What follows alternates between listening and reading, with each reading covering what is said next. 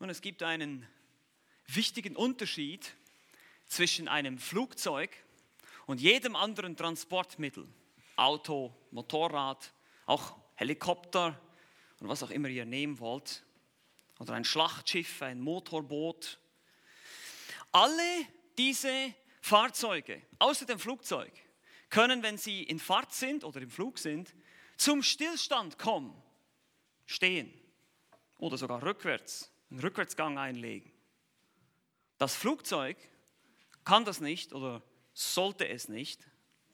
Beim Flugzeug wäre das äußerst gefährlich, versuchen einen Rückwärtsgang während des Flugs einzulegen. Das Flugzeug hat eine einzige sichere Bewegung nach vorne und nach oben. Und so ist es eigentlich auch mit uns Christen. Die einzige sichere Gangart für dich und mich als Nachfolger Jesu Christi ist nach vorne und nach oben. Wenn wir stehen bleiben, gehen wir eigentlich schon rückwärts. Wenn wir stehen bleiben in unserem geistigen Wachstum, dann sind wir schon dabei, abzustürzen, wie das Flugzeug. Müsst ihr euch das vorstellen wie auf der Rolltreppe. Vielleicht habt ihr das als Kinder gemacht, bitte macht das nicht. Auf der verkehrten Seite hochzugehen, wo die Rolltreppe runterkommt. Ihr müsst immer laufen. Und wenn man stehen bleibt, geht man automatisch rückwärts. Und genauso ist es im christlichen Leben. Wenn wir stehen bleiben, gehen wir rückwärts.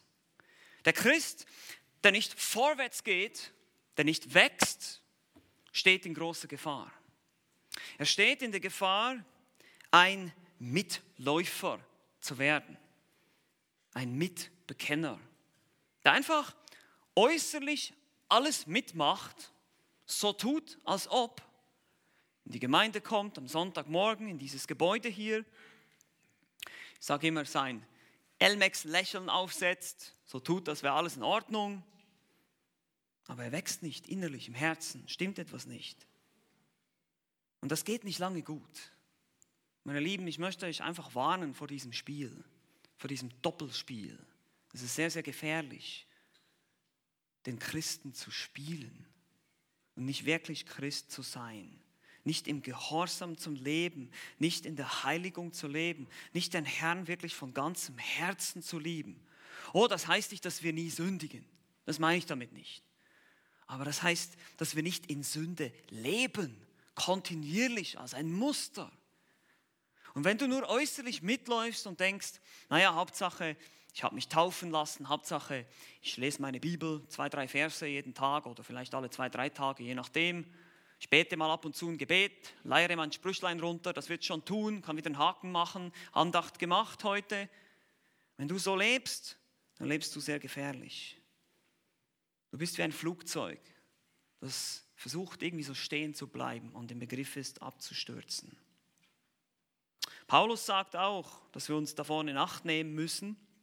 Im ersten Korintherbrief warnt er auch die Korinther vor dieser Selbstsicherheit, dieser Selbstüberschätzung, dass man sich so sicher ist und denkt, ah, ich bin schon ganz in Ordnung, ich bin eigentlich ein guter Christ, ich bin zwar nicht der Superjünger, aber ich bin doch irgendwie so ganz okay. Und die Christen in Korinth waren sogar überheblich und dachten von sich selbst sogar, ich bin übergeistlich wir sind jetzt angekommen geistlich. Es gibt nichts mehr, was wir hier was anhaben kann. Ich bin der Superchrist. Ich kann sogar in meinem Körper alle möglichen Dinge tun. Die haben diese Philosophie geglaubt, diese griechische Philosophie, die den Körper und den Geist auf eine ungesunde Art und Weise trennt. Und so dachten sie, sie können sogar zu Prostituierten gehen und da ihren Spaß haben, ohne dass das irgendwie einen Einfluss hat auf ihr geistliches Leben. Selbstsicherheit, Selbstüberschätzung. Und Paulus warnt im 1. Korinther 10, Vers 12, wer da steht, der sehe zu, dass er nicht falle. In dem Moment, wo du denkst, in deinem Leben geht alles wunderbar, in dem Moment, wo du selbstsicher wirst, da musst du erst recht aufpassen. Da kommt erst recht, die Wahrscheinlichkeit ist sehr groß, dass du erst recht richtig angegriffen wirst vom Teufel. Da müssen wir sehr vorsichtig sein und genau das war bei den Korinthern auch so ein bisschen die Problematik. Sie waren so selbstsicher, naja, wir sind doch geistlich. Man sieht es ja, Paulus sagt ganz am Anfang im Kapitel 1, dass die Korinther begabt waren, sie haben alle möglichen Geistesgaben bekommen. Sie konnten in Sprachen reden, sie konnten Weissagen, sie konnten all diese spektakulären Dinge tun. Das war noch zu Anfangszeiten der Gemeinde, wo diese Gaben noch aktiv waren. Und dadurch wurden diese Leute leider aufgebläht und arrogant. Sie haben eine Show abgezogen in der Gemeinde. Es war ein riesen Durcheinander. Und so wurde auch zum Beispiel das Mahl des Herrn in einer absolut unwürdigen Art und Weise gefeiert. Das war für sie wie ein Fest. Und der eine hat sich mit, mit, mit Brot vollgestopft, der andere hat sich mit Wein betrunken. Die einen waren schon betrunken, für die anderen gab es nichts mehr zu haben. Stellt euch das mal vor, wenn wir hier so Abendmahl feiern würden. Ja? Aber so haben die das gemacht. Einfach aufgrund dieser, ah, ich bin so super geistlich und wir können jetzt einfach, wir haben die Freiheit. Sie haben sich alle möglichen Freiheiten genommen und haben nicht gemerkt, dass sie eigentlich zu Mitläufern wurden. Zu solchen, die es nur äußerlich bekennen und irgendwie so eine Form aufsetzen, so eine christliche Form, geistlich reden, geistlich sich benehmen, sogar geistliche Gaben ausübten. Aber doch innerlich war da was nicht in Ordnung in ihrem Herzen.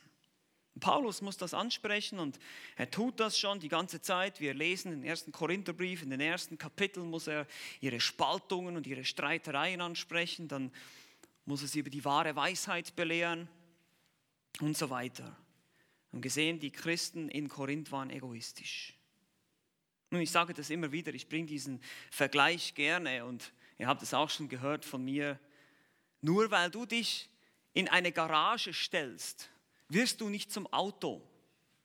Und nur weil du dich in ein Gemeindegebäude stellst, wirst du nicht zum Christen. Ja, du kannst dich vielleicht sogar bemühen und versuchen so zu tun, als wärst du ein Christ. Du kannst dich auch bemühen und so zu tun, als wärst du ein Auto. Du kannst quietschen. Vielleicht rauchst du auch, ich weiß es nicht. Ja, ich hoffe nicht. Du kannst dich so benehmen oder Motorengeräusche. Ihr kennt das, wenn ihr Kinder habt, vor allem Jungs, die spielen dann immer, als wären sie Autos. Kommen sie so um die Ecke, ne? Aber ich weiß genau, du bist kein Auto, ich sehe das ja, du bist mein Junge.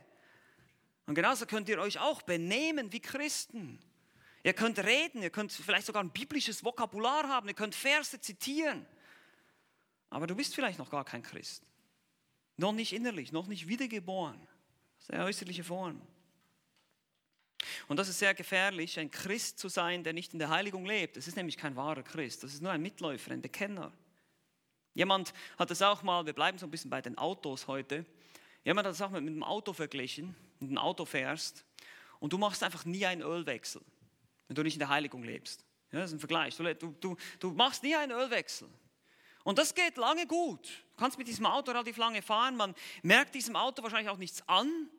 Es funktioniert in derselben Art und Weise wie alle anderen Autos. Du fährst ganz gemütlich nach den ersten 15.000 Kilometern, 30.000 Kilometern, vielleicht sogar 45.000 Kilometern. Du merkst immer noch nichts. Aber innen drin, im Motor, gibt es Verschmutzungen. Es, wird, es geht langsam innerlich kaputt. Und du machst immer noch keinen Ölwechsel. Und eines Tages bleibst du einfach stehen. Motorschaden. Das Ding ist hin. Kannst du wegschmeißen. Ist kaputt. Und genauso kann es mit deinem Christsein gehen. Dass wenn du nicht in der Selbstdisziplin lebst, wenn du nicht in der Heiligung lebst, wenn du nur so tust, als ob und denkst, Rituale, wenn du nur durch die, durch die Rituale gehst, indem du vielleicht eben am Sonntag hierher kommst, dir immer eine Predigt anhörst, aber du handelst nicht danach, dann bist du wie so ein Auto, mit dem man nie Ölwechsel macht und irgendwann mal crash, irgendwann mal kaputt, irgendwann mal hast du einen Motorschaden. Und Paulus wusste das auch und musste die Korinther ernsthaft ermahnen. Er musste ihnen auch sagen, ihr seid auf dem besten Weg dahin. Ihr sagt, ihr seid gläubig, ihr sagt, ihr seid Christen, aber in Kapitel 3 des ersten Korintherbriefs sagt er, ihr seid fleischlich. Ihr seid wie die Kinder. Ihr seid unreif. An euren Streitereien und an eurem fleischlichen Lebenswandel kann man das sehen, dass ihr unreif seid. Ihr seid noch nicht so weit, wie ihr denkt, sagt er. Er kritisiert im Grunde genommen die Freiheit, die sich die Korinther in egoistischer und selbstsüchtiger Art und Weise nahmen. Ich bin jetzt Christ und ihr kennt das vielleicht auch von heute. Es gibt auch manche im evangelikalen Lager, die das sagen, ja, wir sind ja nicht mehr unter dem Gesetz, wir sind unter der Gnade. Also lasst uns Party machen, wir sind jetzt frei von dem Gesetz. Naja, von dem Gesetz Mose, das mag sein, aber es gibt ein Gesetz Christi. Das sehen wir auch, das Gesetz der Freiheit. Und Jesus hat auch Vorstellungen, wie seine Jünger wandeln sollen. Und so waren diese Korinther die Überheblichen, die Unbesiegbaren, die Überchristen. So dachten sie über sich selbst, das haben wir im Kapitel 4 gesehen. Sie dachten schon, sie wären sozusagen in ihrem eigenen kleinen Millennium, in ihrem eigenen kleinen Königreich schon angekommen und schon so super geistlich, dass sie keinerlei, keinerlei Belehrung mehr brauchen. Sie haben jetzt die Weisheit schlechthin. Und deshalb haben sie auch diese grenzenlose christliche Freiheit gefeiert, was eigentlich eine Lizenz zum Sündigen war, in Wahrheit. Paulus sagt auch im Kapitel 6, es ist alles erlaubt, aber es ist nicht alles nützlich. Und dieses Es ist alles erlaubt scheint ein Slogan gewesen zu sein damals bei den Korinthern. Es ist ein Motto. Es ist alles erlaubt. Ja, es ist alles erlaubt. Amen. Ja, so in dem Stil hat man sich gegenseitig ermutigt und so hat man einfach seinen sündigen Lebensstil entschuldigt und rationalisiert. Aber das führte zur Rücksichtslosigkeit auf Leute, die ein schwaches Gewissen hatten, die doch noch irgendwie wussten, es kann nicht sein. Genauso haben sie zum Beispiel auch, sind sie auch mit dem Thema Götzenopferfleisch umgegangen, dieses Fleisch, das den Götzen geopfert wurde wo manche dann ein schlechtes Gewissen hatten, dieses zu essen und die einen haben dann die anderen verachtet, ach, was macht ihr hier, ihr könnt, doch, ihr könnt auch zum Tempel gehen, damals gab es ja auch so eine Art, müsst ihr euch vorstellen, so eine Art Restaurant bei den Tempeln. Und da wurde dieses, dieses, äh, dieses Fleisch auch angeboten zum Essen. Oder wenn dich jemand zu einer Feier eingeladen hat, dann wurdest du zur Feier in einen bestimmten Götzentempel eingeladen. Und dann konntest du da essen gehen am Tische des, was weiß ich, wie die Götter hießen, oder der Aphrodite und wie sie alle hießen. Und so gab es dieses Fleisch zu essen. Manche machten sich natürlich ein Gewissen, das kann man doch nicht machen. Und das werde er auch noch kritisieren, wenn wir dann später im Kapitel 10 sehen, in folgenden Versen, dass Paulus ganz klar sagt, ihr könnt nicht einfach an all diesen Ritualen weiter teilnehmen. Die Heiden, das, was sie da opfern, opfern sie in Wirklichkeit dämonischen Mächten. Und ihr, ihr sollt nichts mehr zu tun haben mit diesen dämonischen Mächten. Aber in Kapitel 8 ging es erstmal um die grundsätzliche Freiheit und er sagte, hey, wenn ihr einander wirklich liebt, dann nehmt ihr bitte Rücksicht aufeinander. Nehmt ihr Rücksicht auf euren Nächsten, verachtet ihn nicht. Erkenntnis bläht auf, sagt Paulus, Kapitel 8, Vers 1. Weil diese Korinther dachten, ja, Gott ist der wahre Gott, es gibt keine Götzen, also kann ich ja dieses Fleisch essen, da muss ich mich auf keinen, irgendwie auf keinen Rücksicht nehmen, das ist schon alles okay so. Nein, ist es nicht. Und dann in Kapitel 10 kommt Paulus jetzt auf diese Geschichte eigentlich des alttestamentlichen Israels zu sprechen. Und er macht das ähnlich, wie ich das jetzt gemacht habe mit dem Flugzeug oder mit dem Auto. Er nimmt diese Geschichte als Illustration, als Beispiel. Er sagt, guckt euch mal die, die Geschichten des Alten Testaments an. Da gab es auch schon Leute, die ihre Freiheit dermaßen gefeiert und ausgenutzt haben, dass sie letztlich in Sünde gefallen sind und dass das schwerwiegende Konsequenzen hatte für sie. Und das soll ein warnendes Beispiel sein für uns heute, für unsere heutige Zeit. Selbst die Israeliten in der Wüste hatten viel Erkenntnis und machten Erfahrungen mit Gott, haben viel erlebt mit Gott. Aber das alleine rettete sie nicht unbedingt. Wenn wir eigentlich genau hinschauen, werden wir sehen, dass Paulus sagt, Gott hat den meisten keinen Gefallen gehabt. Er spricht hier die Irrtümer der Mitläufer an, und zwar anhand des Beispiels der Israeliten im Alten Bund. Er nimmt die Israeliten, wie sie waren im Alten Bund, beim Auszug aus Ägypten, und er zeigt auf, schaut mal, diese Leute damals, die sind schon in denselben Irrtum gefallen wie ihr jetzt. Und natürlich auch wir heute können in denselben Irrtum fallen. Er zeigt dann auch die typischen Sünden auf, in den folgenden Versen und auch wie jemand, der dann angefochten ist, der in der Versuchung ist, sich verhalten soll. In Vers 13 zeigt er das auf, Kapitel 10. Es ist so, dass die Freiheit Grenzen hat, immer noch. Christus hat uns befreit, nicht zu einem Leben in Selbstsüchtigkeit und Egoismus und einfach, dass wir machen können, was immer wir wollen. Und Paulus macht es auch deutlich, wenn wir in Kapitel 9 schauen, er nimmt sich selbst als Beispiel zunächst und sagt, schaut mich mal an, was ich gemacht habe. Ich hätte ein Recht gehabt, bezahlt zu werden, ich habe das aber nicht angenommen. Ich habe auf dieses Recht verzichtet, sagt er in Vers 12 in Kapitel 9. Wir haben auf dieses Recht verzichtet, wir haben keinen Gebrauch gemacht, weil ich alles tun wollte für das Evangelium. Und so endet er letztlich mit dieser, mit dieser Aussage, die man oft hört, dass er sich angepasst hat, dass er den Juden ein Jude wurde, den Heiden ein Heide, sozusagen sich der Gepflogenheit versucht hat anzupassen, um nicht ein Stolperstein zu sein. Und hier geht es, wie gesagt, nicht darum, dass wir uns einfach jedem Trend unserer Kultur anpassen, sondern dass wir verzichten lernen, aus Rücksicht auf das Gewissen von anderen. Ich habe das Beispiel genommen, wenn du muslimische Nachbarn zu dir zu Besuch hast, um sie zu evangelisieren, dann stellst du bitte kein Schweinefleisch auf. Ja, einfach um Rücksicht zu nehmen auf ihre Gepflogenheiten, auf das, was sie sich erstmal gewohnt sind aus ihrer Kultur und ihrer Religion. Ich bin frei, Schweinefleisch zu essen, aber ich nehme Rücksicht, weil ich sie für das Evangelium gewinnen will.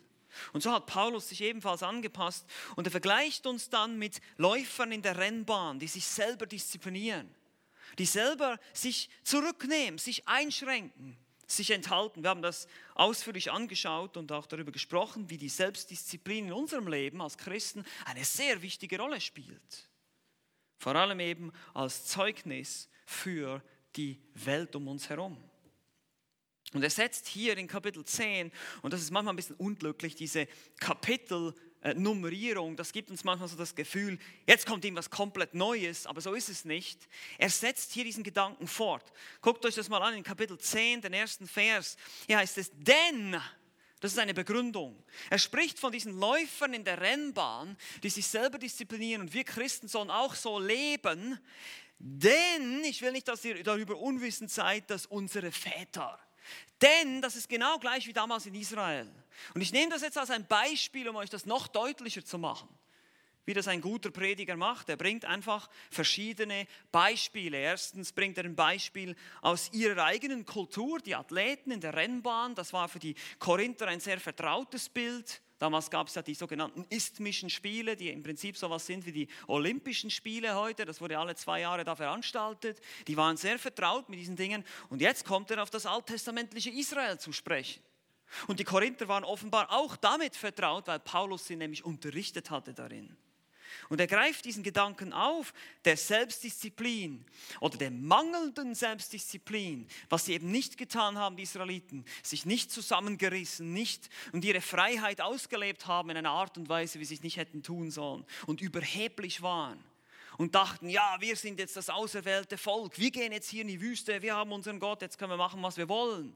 Und bumm, und schon sind sie gefallen. Er will ihr falsches Verständnis von christlicher Freiheit korrigieren. Das ist sein Ziel hier. Und es kann sein, dass, dass das ein Christ so auslebt, der wirklich wiedergeboren ist, der einfach in Sünde lebt, für eine Zeit lang.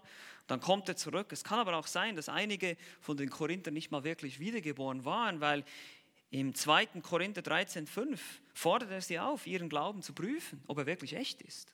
Also wir sehen, Paulus rechnet mit der Möglichkeit, dass es in Korinth ebenfalls Mitläufer gibt, solche Leute, die eben nur eine Form haben der Gottseligkeit, aber die Kraft in sich nicht haben. Und das möchte ich uns einfach einmal mehr als eine Warnung mitgeben. Lasst uns uns selbst wirklich gut, gut prüfen. Wie sieht es aus bei mir? Worauf gründe ich mein Heil? Warum denke ich, dass ich wirklich Christ bin? Denke ich das nur, weil ich bestimmte Rituale mitmache oder mitgemacht habe? Denke ich das nur, weil ich zur Bibelgemeinde Berlin gehöre oder zu dieser Gemeinde? Oder denke ich das nur, weil ich einfach viel Bibel lese und viel Wissen habe? Was ist, was ist, worauf gründest du deine Heilsgewissheit? Und Paulus macht das hier sehr deutlich in diesem Text. Er will uns helfen, diese typischen Irrtümer zu sehen anhand dieses Beispiels des alttestamentlichen Israels. Und das wollen wir zusammen anschauen. Erkenne die vier Irrtümer eines Mitläufers, damit du vor der Selbsttäuschung bewahrt wirst. Erkenne die vier Irrtümer eines Mitläufers. 1. Korinther Kapitel 10, die Verse 1 bis 5. Lass uns es gemeinsam lesen. Die ersten fünf Verse hier. Denn ich will nicht, dass ihr darüber unwissend seid, Brüder, dass unsere Väter alle unter der Wolke waren und alle durch das Meer hindurchgegangen sind und alle auf Mose getauft wurden in der Wolke und dem Meer und alle dieselbe geistliche Speise aßen und alle denselben geistlichen Trank tranken, denn sie tranken aus einem geistlichen Felsen, der sie begleitete. Der Fels war Christus.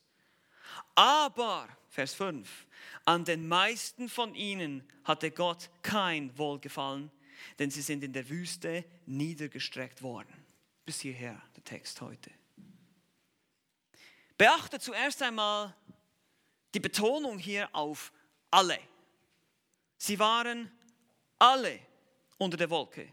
Sie gingen alle durchs Meer. Sie waren alle getauft. Alle haben, nahmen die Speise, alle nahmen den Trank. Seht ihr das? Alle, alle, alle. Könnt das mal richtig, das fällt sofort auf. Beim ersten Hinschauen, wenn man den Text genau liest. Und dann die Betonung auf dieselbe. Das wird zunächst impliziert. Sie gingen alle durch das Meer, natürlich dasselbe Meer, sind alle durch dasselbe Meer gegangen. Es gab ja da keine zwei, drei Meere an dem Punkt, wo sie waren. Sie wurden alle auf Mose getauft, denselben Leiter. Sie haben alle, dann wird es in Vers 3 deutlich gesagt, dieselbe Speise gegessen, denselben geistlichen Trank getrunken. Seht ihr das? Diese Betonung. Alle denselben. Alle dieselben. Sie waren alle gleich, äußerlich. Alle gleich. Aber an den meisten, heißt es in Vers 5, hatte Gott was? Keinen Wohlgefallen. Und sie wurden alle in der Wüste niedergestreckt. Warum? Warum? Und sie täuschten sich. Sie täuschten sich selbst. Sie dachten, oh, wir sind jetzt das auserwählte Volk, wir gehören jetzt dazu. Wir sind jetzt auf Mose getauft. Er ist unser Leiter. Ich erkläre noch, was das genau bedeutet. Keine Sorge.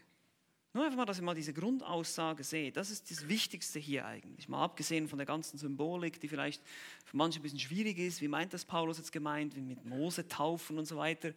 Aber einfach mal, dass ihr dieses Prinzip sehen könnt. Alle haben dieselbe Form gehabt nach außen. Und das ist der Punkt, den Paulus hier macht. In Vers 6 sagt er, diese Dinge sind als Vorbilder für uns geschehen. Ja, das sagt er später auch nochmal. Das sind Vorbilder in Vers 11 alles Vorbilder oder als Beisp beispielhaft ist es für uns geschehen. Das ist ein warnendes Beispiel. Diese vier Irrtümer, die wir hier sehen können, das möchten wir jetzt anschauen heute. In diesen fünf Versen finden wir vier typische Irrtümer eines Mitläufers.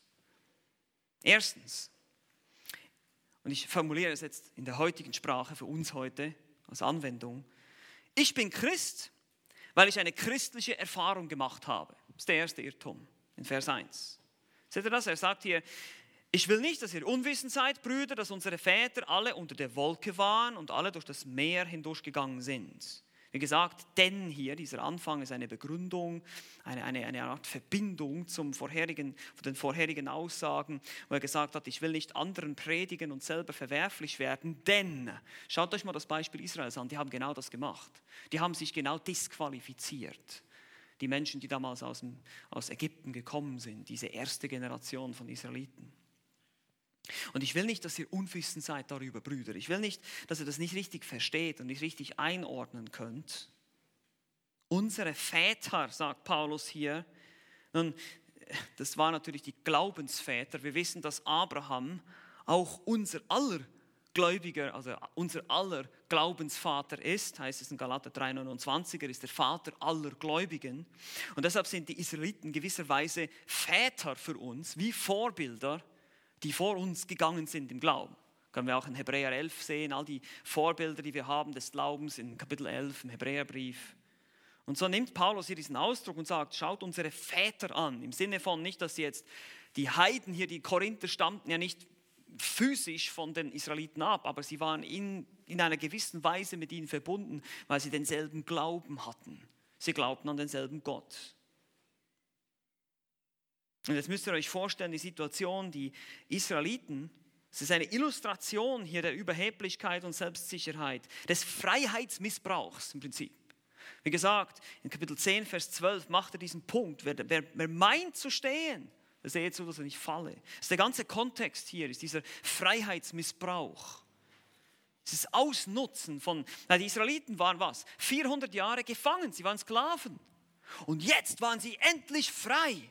Und sie haben all diese Wunder erlebt, diese Zeichen und Wunder, diese ganzen Plagen, die über Ägypten gab. Alles nur wegen ihnen. Gott hat das alles wegen ihnen gemacht. Er hat das Meer gespalten. Stellt euch das mal vor, wenn, das, wenn du sowas erlebst. Und dann heißt es ja auch, sie waren unter der Wolke. Das Waren hier ist ein, ein Imperfekt, eine beständige Handlung. Sie waren beständig unter dieser Wolke, sie wurden ja geführt. Und eine Wolke am Tag und eine Feuersäule in der Nacht. Wir kennen die Geschichten des Exodus. Und sonst könnt ihr das zweite Buch Mose bitte nochmal lesen. Das steht alles da drin. Paulus setzt dieses Wissen hier offenbar voraus. Sie wurden beständig geleitet. Sie erlebten etwas, sie machten Erfahrungen, sahen Plagen, Zeichen, Wunder, erlebten sogar die Führung und den Schutz Gottes durch die Wolke und das Feuer. Ihr kennt, Gott schützt dann die Israeliten, als die Ägypter herankommen, schützt er sie durch das Feuer und dann gehen sie durch das Meer. Wir haben alle dieselbe Erfahrung gemacht. Wow. Wir gehören alle dazu. Nein, falsch. Irrtum. Das heißt in Vers 5, an den meisten hatte Gott keinen Gefallen. Eigentlich ist das noch eine Untertreibung. Es kamen nämlich nur zwei von diesen Leuten, kamen wirklich dann ins gelobte Land, Kaleb und Josua. Warum? Hm. Viele von ihnen waren wohl nicht echt. Wir müssen das verstehen. Israel war als Nation erwählt. Ja, wir sehen, das ist eine Erwählung. Aber das heißt nicht, dass jedes Individuum, jeder einzelne Israelit wirklich errettet war, eine Erwählung zur Errettung erlebt hat, eine Wiedergeburt. Das zeigt sich später dann ihr wahres Wesen in dem Götzendienst und in der Hurerei, die er dann auch noch anspricht, Paulus in den Versen 6 bis 11, was sie da alles gemacht haben in der Wüste, was da alles geschehen ist. Da sehen wir ihr wahres Herz, das kam dann zum Vorschein. Als sie dann die Freiheit hatten, kaum war Mose weg, kaum war er mal ein paar Tage auf dem Berg, sag ich mal. Was ist passiert? Hier sieht man das wahre Herz. Das ist auch bei Kindern. Mal, lass sie mal alleine, mal gucken, was sie machen. Dann siehst du, was sie wirklich im Kopf haben. Ja? Es ist wirklich so. Lass uns mal alleine irgendwo und dann siehst du, was du in deinem Herzen hast. Was machst du, wenn du alleine bist, wenn man dich nicht beaufsichtigt? Wie, wie sieht es dann aus? Was ist, du, du bist, was du bist, wenn du alleine bist. Da können wir, du kannst uns allen was vorspielen. Die Frage ist, was bist du vor Gott alleine auf deinen Knien? Das ist entscheidend. Das ist entscheidend.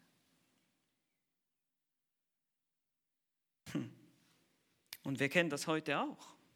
Vielleicht kennen wir das aus einer bestimmten Bewegung, die es gibt heutzutage, die Betonung legen auf Wunder und Zeichen und Dämonenaustreibungen und solche Sachen. Und die Korinther waren auch so besessen von ihrer Sprachenrede und die haben so eine richtige Show abgezogen da, haben sich mehr mit ihren spektakulären Gaben gebrüstet und ja, schau mal, wie cool ich bin, ich kann sogar in Sprachen reden und haben überhaupt keine Rücksicht genommen aufeinander. Wie groß ist dieser Irrtum auch heute, dass man denkt, man hat eine bestimmte Erfahrung gemacht, man hat irgendwas erlebt, eine Heilung und jetzt ist man automatisch gläubig. Oder ich habe irgendein Gebet gesprochen oder irgendwas und Jesus warnt in der Bergpredigt in Matthäus 7, nicht jeder, der zu mir sagt, Herr, Herr, wird in das Reich der Himmel eingehen, sondern wenn der Willen meines Vaters im Himmel tut, seht ihr hier auch wieder der Gehorsam, Viele werden an jenem Tag zu mir sagen, Herr, haben wir nicht in deinem Namen geweissagt, in deinem Namen Dämonen ausgetrieben, in deinem Namen viele Wunder vollbracht? Herr, sie nennen ihn Herr. Das sind Christen, die denken, sie sind gläubig. Das sind nicht irgendwelche Heiden hier. Und dann sagt Jesus, ich habe euch nicht gekannt, weicht von mir, ihr was? Gesetzlosen. Also, kein, sie, haben nicht, die waren nicht gehorsam, sie haben nicht in der Heiligung gelebt. Denkst du, du bist gerettet, weil du in ein Erlebnis hattest? Weil du eine bestimmte Erfahrung gemacht hast? Oder kennst du jemanden? Das ist vielleicht auch wichtig für uns. Wir müssen den Menschen auch helfen zu verstehen, dass das nicht so funktioniert. Dass sie nicht einfach irgendwo eine Erfahrung machen können, ja, ich habe Gott irgendeine Vision gesehen, einen Traum und jetzt bin ich Christ geworden. Das heißt überhaupt nichts. Das heißt rein gar nichts. Wenn diese Person nicht wirklich Buße getan hat über ihre Sünde. Es ist erst noch eine Verführung, weil Gott spricht nicht mehr so zu uns heute. Er spricht durch sein Wort. Darauf werden wir noch ausführlich eingehen, können das jetzt heute nicht auch noch machen. Die Bibel ist abgeschlossen als Kanon, ist das vollkommene Wort, es ist alles, was Gott je offenbaren wollte über sich selbst. Wir sehen das im letzten Buch der Offenbarung. Wer dem etwas hinzufügt, der ist verflucht. Das ist ganz einfach. Die Frage ist, was haben wir erlebt? Bauen wir darauf unsere Heilsgewissheit? Und diese Warnung, die kommt an uns, die kommt an dich, die kommt an mich die Paulus hier beschreibt, das Volk Israel, wie es in die Wüste ging, wie es diese Zeichen und Wunder erlebte und wie es dann durch seine Rebellion 40 Jahre in der Wüste wandern musste und diese Menschen alle gestorben sind, das ist eine Warnung für uns. Es wird Verluste geben. Es wird Leute geben, die werden zurückbleiben, die werden auf der Strecke bleiben. Schaut, dass ihr nicht zu denen gehört. Und ihr Korinther, ihr seid drauf und dran, hier euch zu disqualifizieren, wie diese Läufer in der Rennbahn, die sich disqualifizieren weil sie vielleicht Doping nehmen oder irgendwie sowas, würde man heute sagen. Ne? Das heißt nicht, dass wenn du das Rennen beginnst, dass du auch automatisch ankommst. Das heißt nicht, dass wenn du jetzt anfängst, heilig zu leben, dass es einfach so bleibt von alleine, sondern wir müssen daran arbeiten. Das ist die Selbstdisziplin, über die wir schon gesprochen haben. Ich weiß, dass wir oft davon sprechen, dass Gott alles wirkt. Ja, das hören wir oft und das ist auch richtig so. Durch Gottes Gnade bin ich, was ich bin, sagt Paulus später. Wir sind aus Gnade gerettet. Wir tun die Werke, die Gott zuvor bereitet hat, heißt es in Epheser 2,10. Nicht mal die, die guten Werke, die wir tun, kommen von uns. Wir können uns nichts einbilden. Ohne ihn können wir wirklich nichts tun. Aber ihr seid nicht ohne ihn, wenn ihr Christen seid. Und mit ihm könnt ihr eben alles tun. Und das ist der Punkt, den wir verstehen müssen. Durch meinen Glauben, durch mein Vertrauen auf das, was Gott gesagt hat, durch den Heiligen Geist, der in mir lebt, habe ich die Kraft, jetzt diszipliniert und geheiligt zu leben. Nicht vollkommen, nicht perfekt, das sage ich nicht. Aber ich habe die Kraft in mir, um das zu tun, was der Herr von mir verlangt. Und wenn ich versage, wenn ich es nicht tue, dann liegt es nicht an Gott, dann liegt es an mir, weil ich nicht geglaubt habe, dass Gott die Wahrheit sagt. Jesus sagte, in Lukas 13, Vers 24, ringt danach, durch die enge Pforte hineinzugehen, in das Reich Gottes. Denn viele, sage ich euch, werden hineinzugehen, suchen und es nicht können. Das ist eine Warnung hier für uns. Viele werden das Rennen beginnen und werden sagen, Halleluja, ich bin jetzt dabei, ich bin Christ, ich habe mich bekehrt. Und plötzlich sind sie weg vom Fenster. Plötzlich siehst du sie immer weniger in der Gemeinde. Plötzlich fallen sie in irgendwelche Sünden und sind weg. Das waren keine Christen. Die waren nicht echt. Sie sind von uns ausgegangen, sagt 1. Johannes 2,19, aber sie waren nicht von uns. Sonst wären sie bei uns geblieben. Das ist ganz deutlich. Die Frage ist, kämpfen wir, kämpfe ich? Verstehe ich, dass es ein Kampf ist, das Heiligungsleben? Prüfe ich mich, ob ich nicht in diesen Irrtum falle, dass ich denke, ich habe eine Erfahrung gemacht und deshalb bin ich gerettet. Das ist Irrtum 1. Irrtum 2. Ich bin Christ, weil ich mich mit Christus identifiziere. Vers 2. Ist ähnlich, geht bis in eine andere Richtung. Hier heißt es in Vers 2, und alle auf Mose getauft wurden in der Wolke und in dem Meer. Nun, wie ich schon sagte, das Getauftsein hier, da müssen wir ein bisschen vorsichtig sein. Durch unsere Kirchentradition denken wir immer automatisch an eine Wassertaufe, vielleicht sogar ein Besprenkeln oder irgendwie sowas oder eben vor allem an das Untertauchen. Aber nicht überall, wo das Wort Taufe vorkommt der Bibel, ist damit wirklich eine Wassertaufe gemeint. Hier ebenfalls nicht. Wir haben andere Stellen, wo das auch der Fall ist, sondern das Getauftsein, das Wort Taufen, sich in etwas hineintauchen, äh, bedeutet so viel wie sich mit etwas etwas identifizieren. Das ist letztlich auch das, was ich bei der Taufe zum Ausdruck bringe. Wenn ich mich taufen lasse, dann bin ich sozusagen, bringe ich zum Ausdruck, dass ich bereits mit Christus gestorben und auferstanden bin, mit ihm identifiziert. Was mit ihm passiert ist, ist mit mir passiert. Ich bin nicht mehr der alte Mensch, sondern der neue Mensch. Und so ist die Taufe eine Identifikation. Sie wurden mit Mose identifiziert. Äh, manche Gelehrte übersetzen das Verb hier auch als ein sogenanntes Medium, also Reflexion reflexiv. Das heißt, sie haben sich selbst identifiziert mit ihm. Das ist eigentlich die Idee hier. Sie dachten, sie seien jetzt, ja, Mose ist ja unser Leiter, wir gehören zu ihm, wir folgen ihm nach. Weil er folgt ja Gott nach, er ist unser Prophet. Er ist unser Anführer, er gibt uns Gottes Wort. Und das wäre ja richtig. Sie haben sich mit ihm identifiziert. Sie sind ihm nachgegangen durch die Wolke und auch durch das Meer. Also Paulus macht hier keine wilden hermeneutischen Tonübungen und sagt irgendwie, dass das, dass der Gang von Israel durch das Rote Meer wäre jetzt irgendwie eine Vorschattung auf die Taufe gewesen oder irgendwie sowas. Er nimmt das als Beispiel. Er sagt, guck mal, die Israeliten haben sich genauso identifiziert mit ihrem Leiter wie ihr. euch jetzt mit Christus oder eben, wir haben es auch schon gesehen im Korintherbrief, fälschlicherweise mit Paulus und Apollos identifiziert. Ja, die einen haben ja gesagt, ich bin des Paulus, ich bin des Apollos. Und er sagt, ihr müsst euch mit Christus identifizieren. Aber das alleine reicht auch noch nicht aus. Selbst wenn die Identifikation am richtigen Ort geschieht, wenn du sagst, ich gehöre zu Christus, ich bin Christ, ich bekenne mich dazu. Das ist meine Identität. Äußerlich gebe ich das zu. Ein öffentliches Bekenntnis. Und ich habe mich vielleicht dann auch taufen lassen als Zeichen dieses Bekenntnisses. Aber hier liegt der Irrtum. Hier liegt der Irrtum. Dieses Bekenntnis alleine, das rettet dich nicht. Nur weil du sagst, du seist Christ, heißt es noch lange nicht, dass du wirklich einer bist. Jakobus sagt auch, sei ein was? Täter des Wortes und nicht Hörer.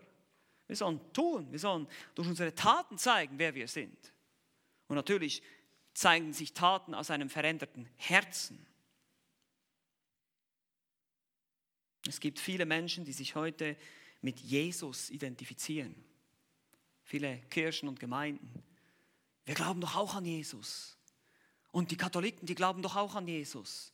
Ja, natürlich tun sie das. Die Frage ist, glauben sie erstens an den richtigen Jesus, an den Jesus der Schrift oder an einen selbstfabrizierten oder andere Bewegungen. Ja, wir glauben auch an Jesus. Die haben eine völlig, völlig falsche Vorstellung von Jesus. Und ich möchte dich warnen, Bekenne dich nicht nur zu Jesus, sondern verstehe, wer Jesus ist. Wie er sich in der Schrift offenbart, wer er wirklich ist. Ich sage immer, der Christus der Schrift ist der Christus, der rettet. Nicht irgendeiner, weil es gibt viele falsche Christusse, wir wissen das. Jesus selber warnt davor. Wenn du denkst, du bist Christ, nur weil du dich mit ihm identifizierst oder dich zu einer bestimmten Denomination bekennst, ich bin Baptist, ich bin Methodist, was immer, das rettet uns nicht. Müssen wir vorsichtig sein. Johannes sagt im ersten Johannesbrief, Kapitel 1, Verse 6 bis 7, wenn wir sagen, dass wir Gemeinschaft mit ihm haben, das heißt, dass wir gerettet sind, dass wahre Gemeinschaft mit Christus hast, mit dem wahren Christus, und doch in der Finsternis wandeln, also doch in Sünde leben, so lügen wir und tun nicht die Wahrheit. Das ist nicht echt. Wenn wir aber im Licht wandeln, wenn wir das tatsächlich tun, wie er im Licht ist, das heißt eine Wahrheit, eine Gerechtigkeit leben, so haben wir Gemeinschaft miteinander und das Blut Jesu reinigt uns von aller Sünde. Seht ihr, wir sind nicht sündlos, aber wir werden, wir werden beständig gereinigt von unserer Sünde. Eben, du hast diesen Schub nach oben, nach vorne, wie das Flugzeug. Du bleibst nicht stehen. Und wenn du diesen Schub nicht hast, wenn du diesen Fortschritt nicht sehen kannst in deinem Leben, dann bitte prüfe dich, prüfe dich. Es ist noch nicht zu spät. Aber dann bist du vielleicht genau in diesen Irrtum gefallen, dass du siehst und denkst, ja, ich habe ja eine Erfahrung gemacht und ich, hab, ich identifiziere mich, ich bekenne mich ja zu Christus, also bin ich doch automatisch Christ. Nein, bist du nicht unbedingt automatisch deswegen. Aber es gibt noch mehr Irrtümer hier. Wir haben gesehen, erstens, wir denken, weil wir eine christliche Erfahrung gemacht haben. Zweitens, weil wir uns mit Christus identifizieren. Und jetzt drittens, ich bin Christ, weil ich an einem christlichen Ritual teilnehme. Das ist Verse 3 und 4. Und alle dieselbe geistliche Speise aßen und alle denselben geistlichen Trank tranken. Denn sie tranken aus einem geistlichen Felsen, der sie begleitete. Der Fels aber war Christus. Nun, wir wissen von der Geschichte Israels, dass die Israeliten in der Wüste auf wunderbare Art und Weise versorgt wurden, auf übernatürliche Art und Weise. Sie haben das Manna bekommen von der Frage Manhu. Was ist denn das? Das ist das, was es bedeutet. Deshalb haben sie es Manna genannt. Das war eine spezielle Art von Nahrung, die sie bekommen haben. Und auch Trank haben sie bekommen, nämlich aus dem Felsen. Und wir sehen das an mehreren Orten hier im im griechischen Text, also was steht, sie tranken aus dem geistlichen Felsen. Das Tranken ist wieder ein Imperfekt. Also es zeigt wieder an, das war eine beständige Sache. Gott hat sie beständig mit Wasser versorgt in der Wüste. Das war nicht nur eine einmalige Sache. Wir haben zwei Ereignisse aufgezeichnet, in 2. Mose 17 und auch in 4. Mose 20, das berühmte Haderwasser, wo Mose dann den Felsen schlägt, anstatt zu ihm zu sprechen. Kennt vielleicht, einige kennen diese Geschichte, 4. Mose 20. Aber in Psalm 78, Verse 15 und 16 heißt es, er spaltete Felsen in der Wüste und drängte sie mit großen Fluten. Er ließ Bäche aus dem Felsen hervorspringen und Wasser herabfließen in Strömen. Also es war wahrscheinlich nicht eine einmalige Sache, sondern er hat sie immer wieder versorgt. Weil wenn ihr euch vorstellt, ihr habt zwei Millionen Menschen und die laufen durch die Wüste, was brauchen die? Ziemlich viel Wasser.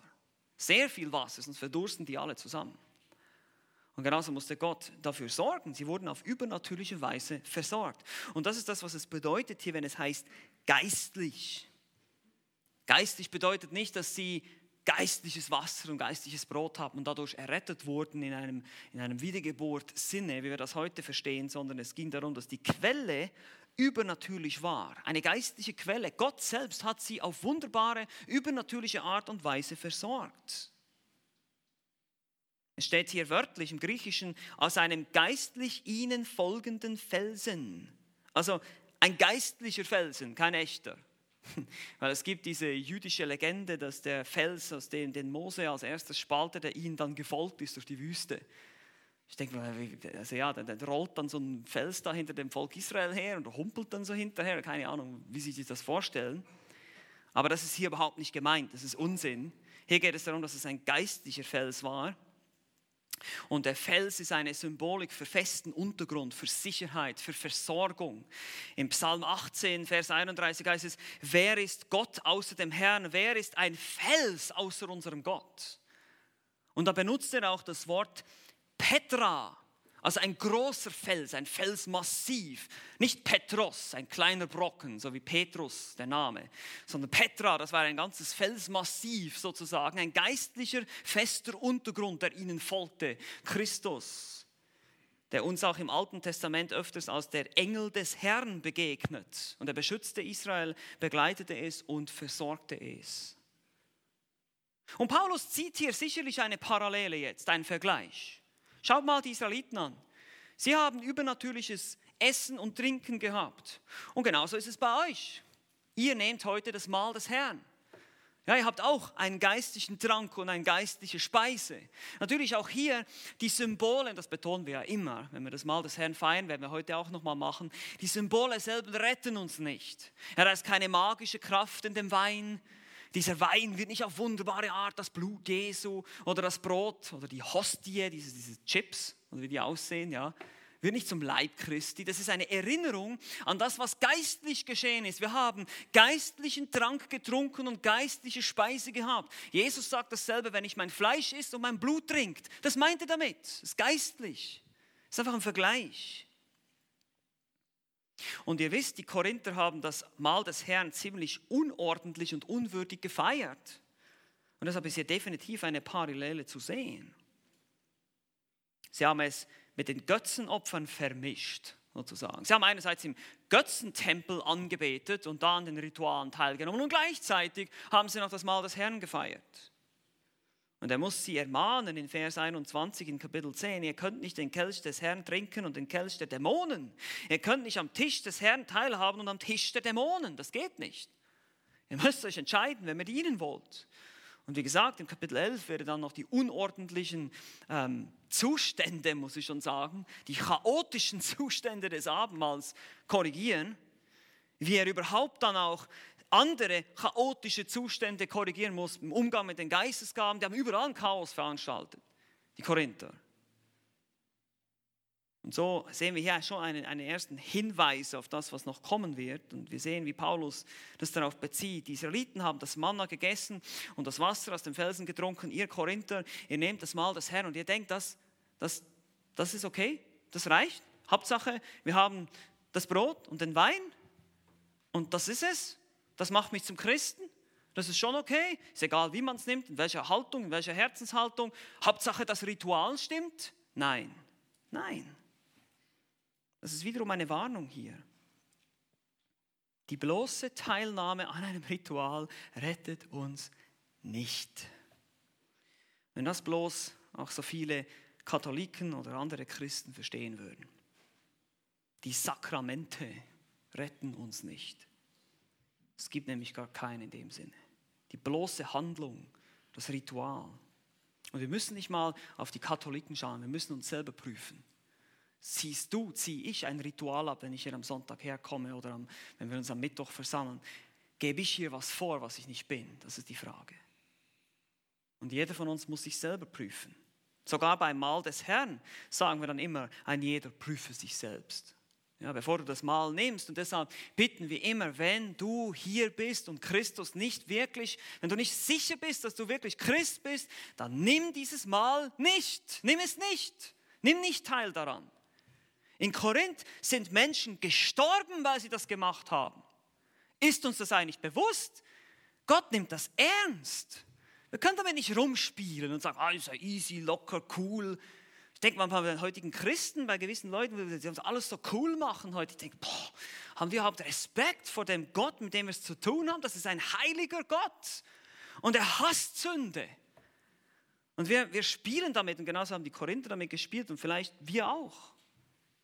Wir müssen Buße tun. Wir müssen auf die Knie gehen und bitten um Vergebung für das, was wir tun manchmal. Unsere Heuchelei, unsere, unser Spielen.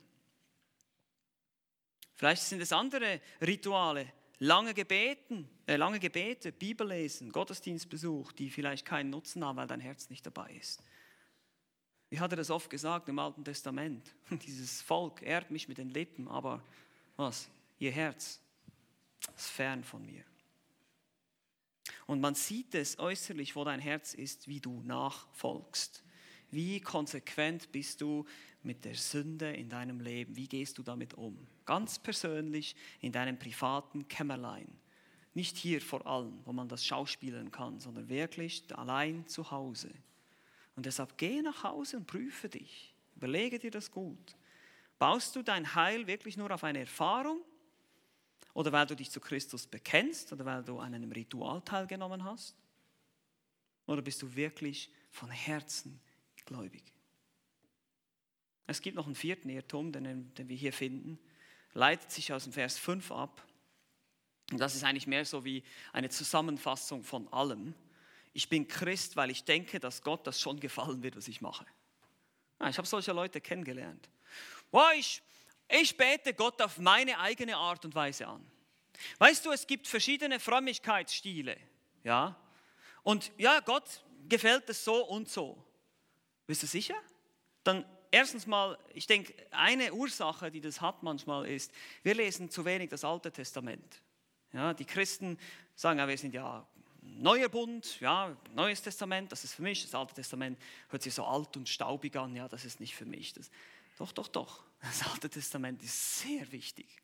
Und im Alten Testament, und das sehen wir jetzt hier in diesem Kapitel 10, wie Paulus das Alte Testament nimmt und sagt, wie wichtig diese Dinge sind alle als was? Als Vorbilder für uns geschehen. An einer anderen Stelle sagt er, alles, was zuvor geschrieben wurde, wurde zu unserer Belehrung zuvor geschrieben, im Römerbrief. Und auch hier im Korintherbrief macht er das an einigen Stellen deutlich. Er nimmt diese alttestamentliche, es ist sehr, sehr wichtig, dass wir als Christen das Alte Testament lesen.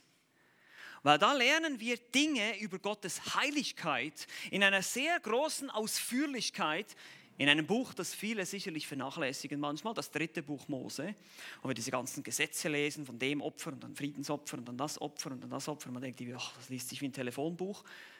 Aber das ist da, damit wir das verstehen, wie genau, wie exakt, wie, ja, ich muss schon sagen, wie pingelig Gott das wirklich alles nimmt. Und sobald einer irgendwas macht, in Kapitel 10, wo sie fremdes Feuer darbringen, was passiert? Wusch, tot. Und im Neuen Testament genau dasselbe, Kapitel 5 in der Apostelgeschichte, könnt ihr nachlesen, Hananias und Sapphira, eine Lüge. Bumm, zwei Menschen tot.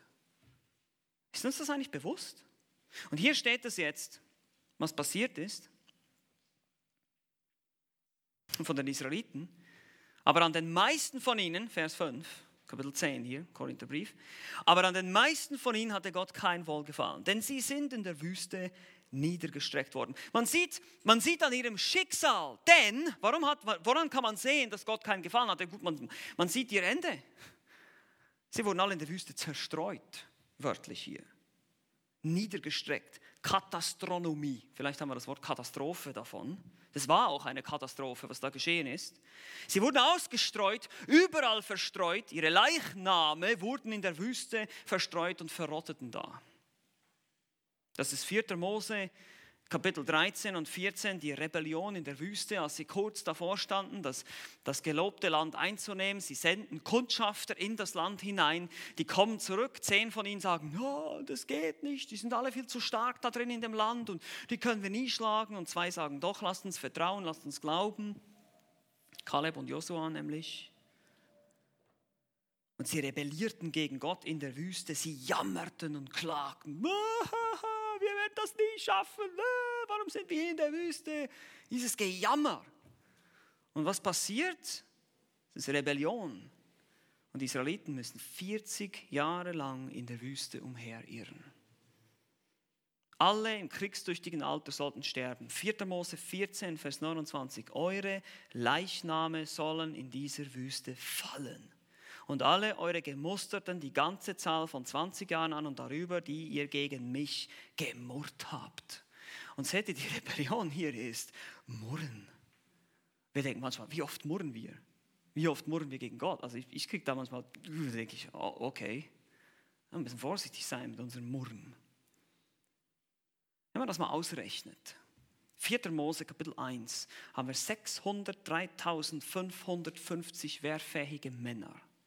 600.000 Männer steht da, der Volkszählung. Deshalb sind uns diese ganzen Volkszählungen gegeben übrigens. Das ist nicht einfach so, ah, diese Zahlen hier, was soll ich damit? Hm, das ist wichtig, das ist interessant. Es war im zweiten Jahr nach dem Auszug, gemäß 4. Mose 1, Vers 1. Und wenn man dazu ungefähr die gleiche Anzahl Frauen rechnet, kommt man auf 1.207.100 oder 100 Erwachsene. Also 1.200.000 Erwachsene. Geteilt durch die Jahre der Wanderung, 38 Jahre, macht 13.870 Tage, macht einen Durchschnitt, jetzt haltet euch fest, von 90 Toten pro Tag. 90 Beerdigungen pro Tag in der Wüste. Jeden Tag. Bum, bum, bum, bum, die fallen wie die Kegel.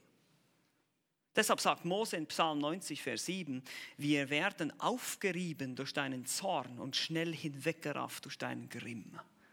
Psalm 90 hat Mose in der Wüste geschrieben, als er das mit anschauen musste, wie ein ganzes Volk vor die Hunde ging, um es jetzt mal deutsch zu sagen.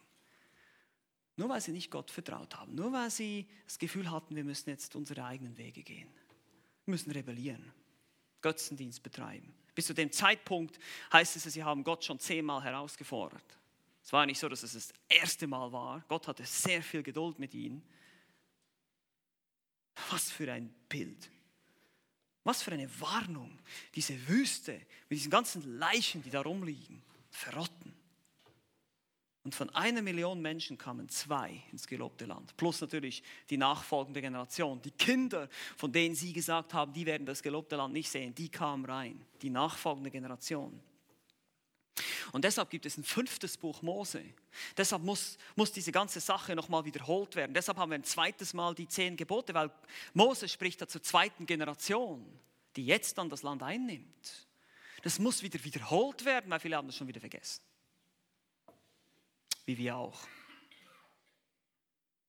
Aber leider hat Gott, oder Mose hat das Gericht verkündigt und dann haben sie versucht, trotzdem das Land einzunehmen, aber es ging dann nicht. Das können wir in Kapitel 14, 4. Mose lesen. Sie werden dann von den Amalekitern geschlagen und müssen dann in der Wüste wandern. Aber wir lesen diese Geschichte und denken uns manchmal nicht so viel dabei. Wir sind so, ja, da wandern sie dann mal so gemütlich in der Wüste rum. Aber was, stellt euch das mal vor, 40 Jahre und du wanderst da und einer nach dem anderen stirbt. Sie dachten, sie dienen Gott, aber sie taten es auf ihre Art und Weise. Was für ein fataler Irrtum, auch in unseren Gemeinden heute. Als sie das Fest des Herrn ausgerufen haben am Berg Sinai, wo sie das goldene Kalb gemacht haben, haben sie gesagt, ein Fest für Jahwe. Sie haben aber eine ägyptischen, die Form eines ägyptischen Gottes genommen und gesagt, das ist Jahwe. Ja, das machen wir manchmal auch. Wir haben auch äh, unsere Vorstellung von Gott und sagen, das ist unser Gott, anstatt dass wir die biblische Vorstellung haben von unserem Gott. Wir können genauso Götzendiener sein. Wir müssen uns überhaupt nichts vormachen. Wir sind nicht besser. Wir können nicht auf die Israeliten runterschauen und sagen, ach, diese, diese, diese Israeliten hier mit ihrem Kalb, ja, also das würde ich nie machen, sowas. Ja, seid ihr da nicht so sicher, ob wir das nie machen. Sie denken, sie dienen Gott auf ihre Art und Weise. Sie denken, es gefällt Gott, solange die Form stimmt. Solange wir zur Gruppe gehören, ja, wir haben das ja alles erlebt, eben unsere Erfahrung, wir sind alle identifiziert mit Mose, wir gehören zu ihm, wir haben die zehn Gebote bekommen, was nützt das, wenn du sie nicht einhältst? Sie waren schon dabei, die Gebote zu brechen, als sie noch gar nicht gegeben wurden. Sie haben schon angefangen mit dem Götzendienst, als Mose noch auf dem Berg war. Und da sieht man ihr Herz.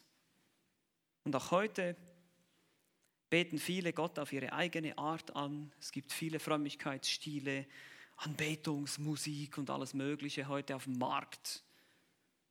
Aber ich möchte euch warnen, Gott hat Vorstellungen, wie er angebetet werden möchte.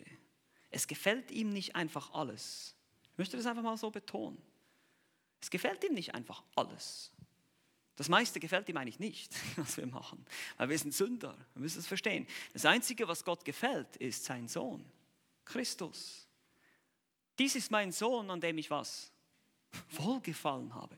Und wenn Christus in dir Gestalt gewinnt, wenn du, wenn ich, wenn wir wie Christus werden, dann hat Gott Gefallen an uns. Nur dann. Das ist das Einzige, was ihm gefällt. Alles andere gefällt ihm nicht. Diese Welt hier, die Sünde, die ist verflucht. Ich meine, wenn du etwas verfluchst, dann gefällt es dir offenbar auch nicht. Und so ist es bei Gott. Gott hat diese Welt verflucht, also gefällt ihm nicht mehr.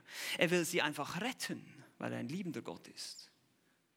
Aber wir können Gott nur gefallen. Und das ist unser Ziel als Christen. Deshalb nennen wir uns ja Christen, weil wir Christus nachfolgen. Das Wort Christ bedeutet kleiner Christus. Wir folgen Christus nach.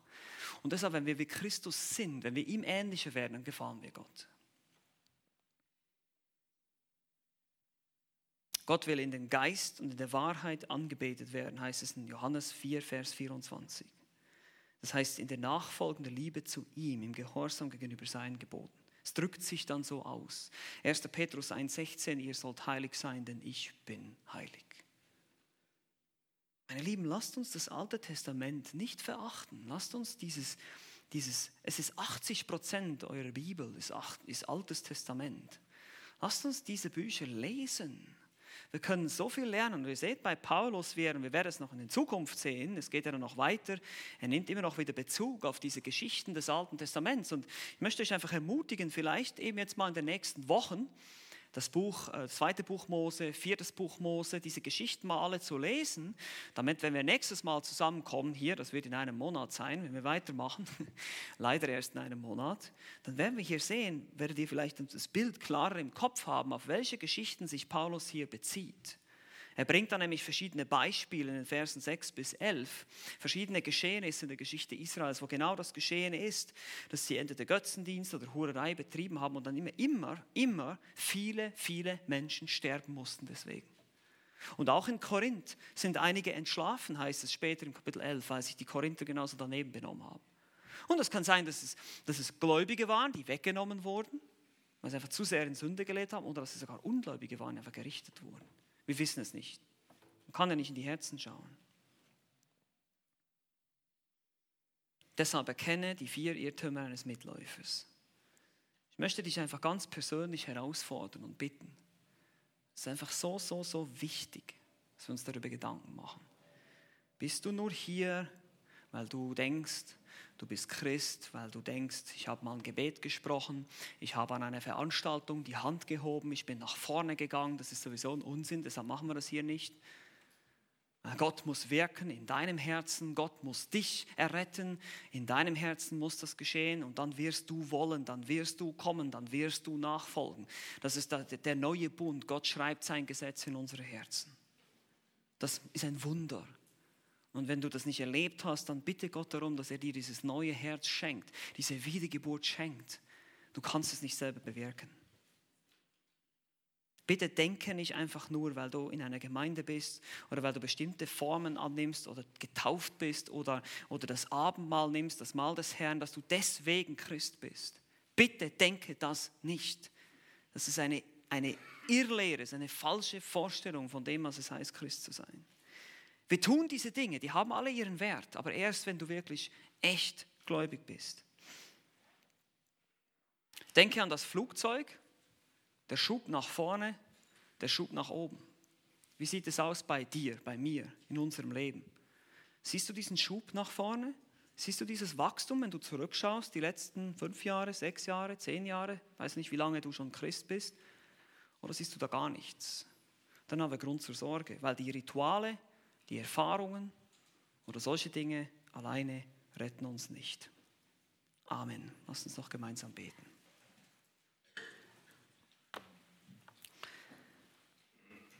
Herr Jesus Christus, wir danken dir von ganzem Herzen, dass du gekommen bist, um zu sterben für Sünder.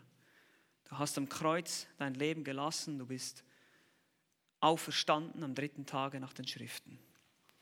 Wir danken dir, dass wir durch den Glauben Leben haben können, dass du uns deinen Geist gibst, der uns verändert und der uns immer mehr in das Bild, in dein Bild verändert. Es ist das Einzige, was dir gefällt, Vater, es ist dein Sohn. Weil er ist der Einzige, der sündlos gelebt hat. Er ist der Einzige, der das Gesetz erfüllt hat. Es gibt keinen anderen. Keiner von uns kann alle Gebote halten. Wir sind alle Sünder. Wir erreichen die Herrlichkeit nicht, die wir bei dir haben sollten. Und deshalb hilf uns immer mehr, wie dein Sohn zu sein, Vater. Verändert zu werden in sein Bild. Dass wir alle diese Eigenschaften in unserem Leben sehen und dadurch Gewissheit des Heils haben. Ich bete für all diejenigen, Herr, die heute hier sind, die dich nicht kennen, dass diese Worte sie aufrütteln warnen, sich zu prüfen, nach Hause zu gehen, in der stillen Kammer, Buße zu tun, wahre Buße zu tun und wirklich gerettet zu werden. Herr, ich bitte dich, dass du uns hilfst, dass du uns allen die Augen öffnest für unsere eigene Sündhaftigkeit, für unsere Irrtümer und dass du uns neu dein Wort lieb machst, dass wir in die Bibel reinsteigen und wirklich intensiv lesen, auch das Alte Testament lesen und lernen davon und nicht einfach so vorbeifliegen und das oberflächlich tun, sondern uns bemühen, wie Goldgräber zu sein, die nach Schätzen suchen in deinem Wort. Du willst dich offenbaren, aber du offenbarst dich nicht dem oberflächlichen Betrachter, sondern demjenigen, der sich Zeit nimmt, dein Wort intensiv zu studieren.